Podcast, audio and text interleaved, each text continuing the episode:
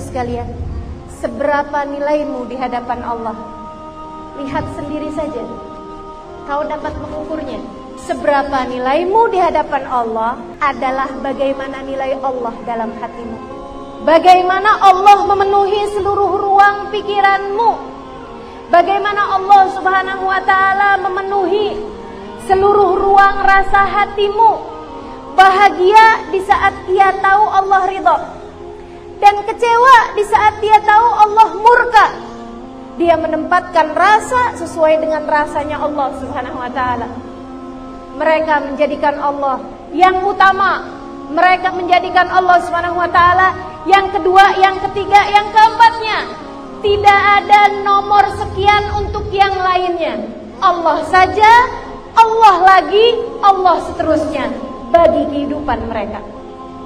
Untuk melihat diri kita. Seberapa jatah Allah dalam hatimu? Seberapa jatah Allah dalam hidupmu?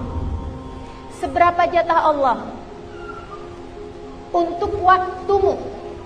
Seberapa jatah Allah untuk tenagamu?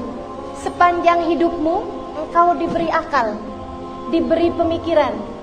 Berapa persen dari akalmu engkau gunakan lillahi ta'ala untuk Allah subhanahu wa ta'ala? Berapa persen dari waktumu dalam sehari semalam engkau gunakan untuk Allah subhanahu wa ta'ala? Berapa persen dari rasa hatimu engkau persembahkan untuk Allah Subhanahu wa taala? Berapa persen dari hari-harimu engkau gunakan mencari ridho Allah Subhanahu wa taala dengan menebarkan manfaat kepada hamba-hambanya?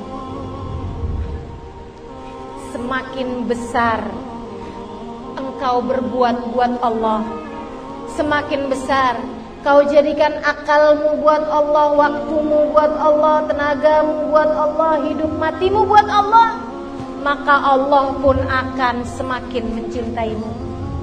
Dan jika Allah mencintaimu, apatah lagi yang kau perlukan?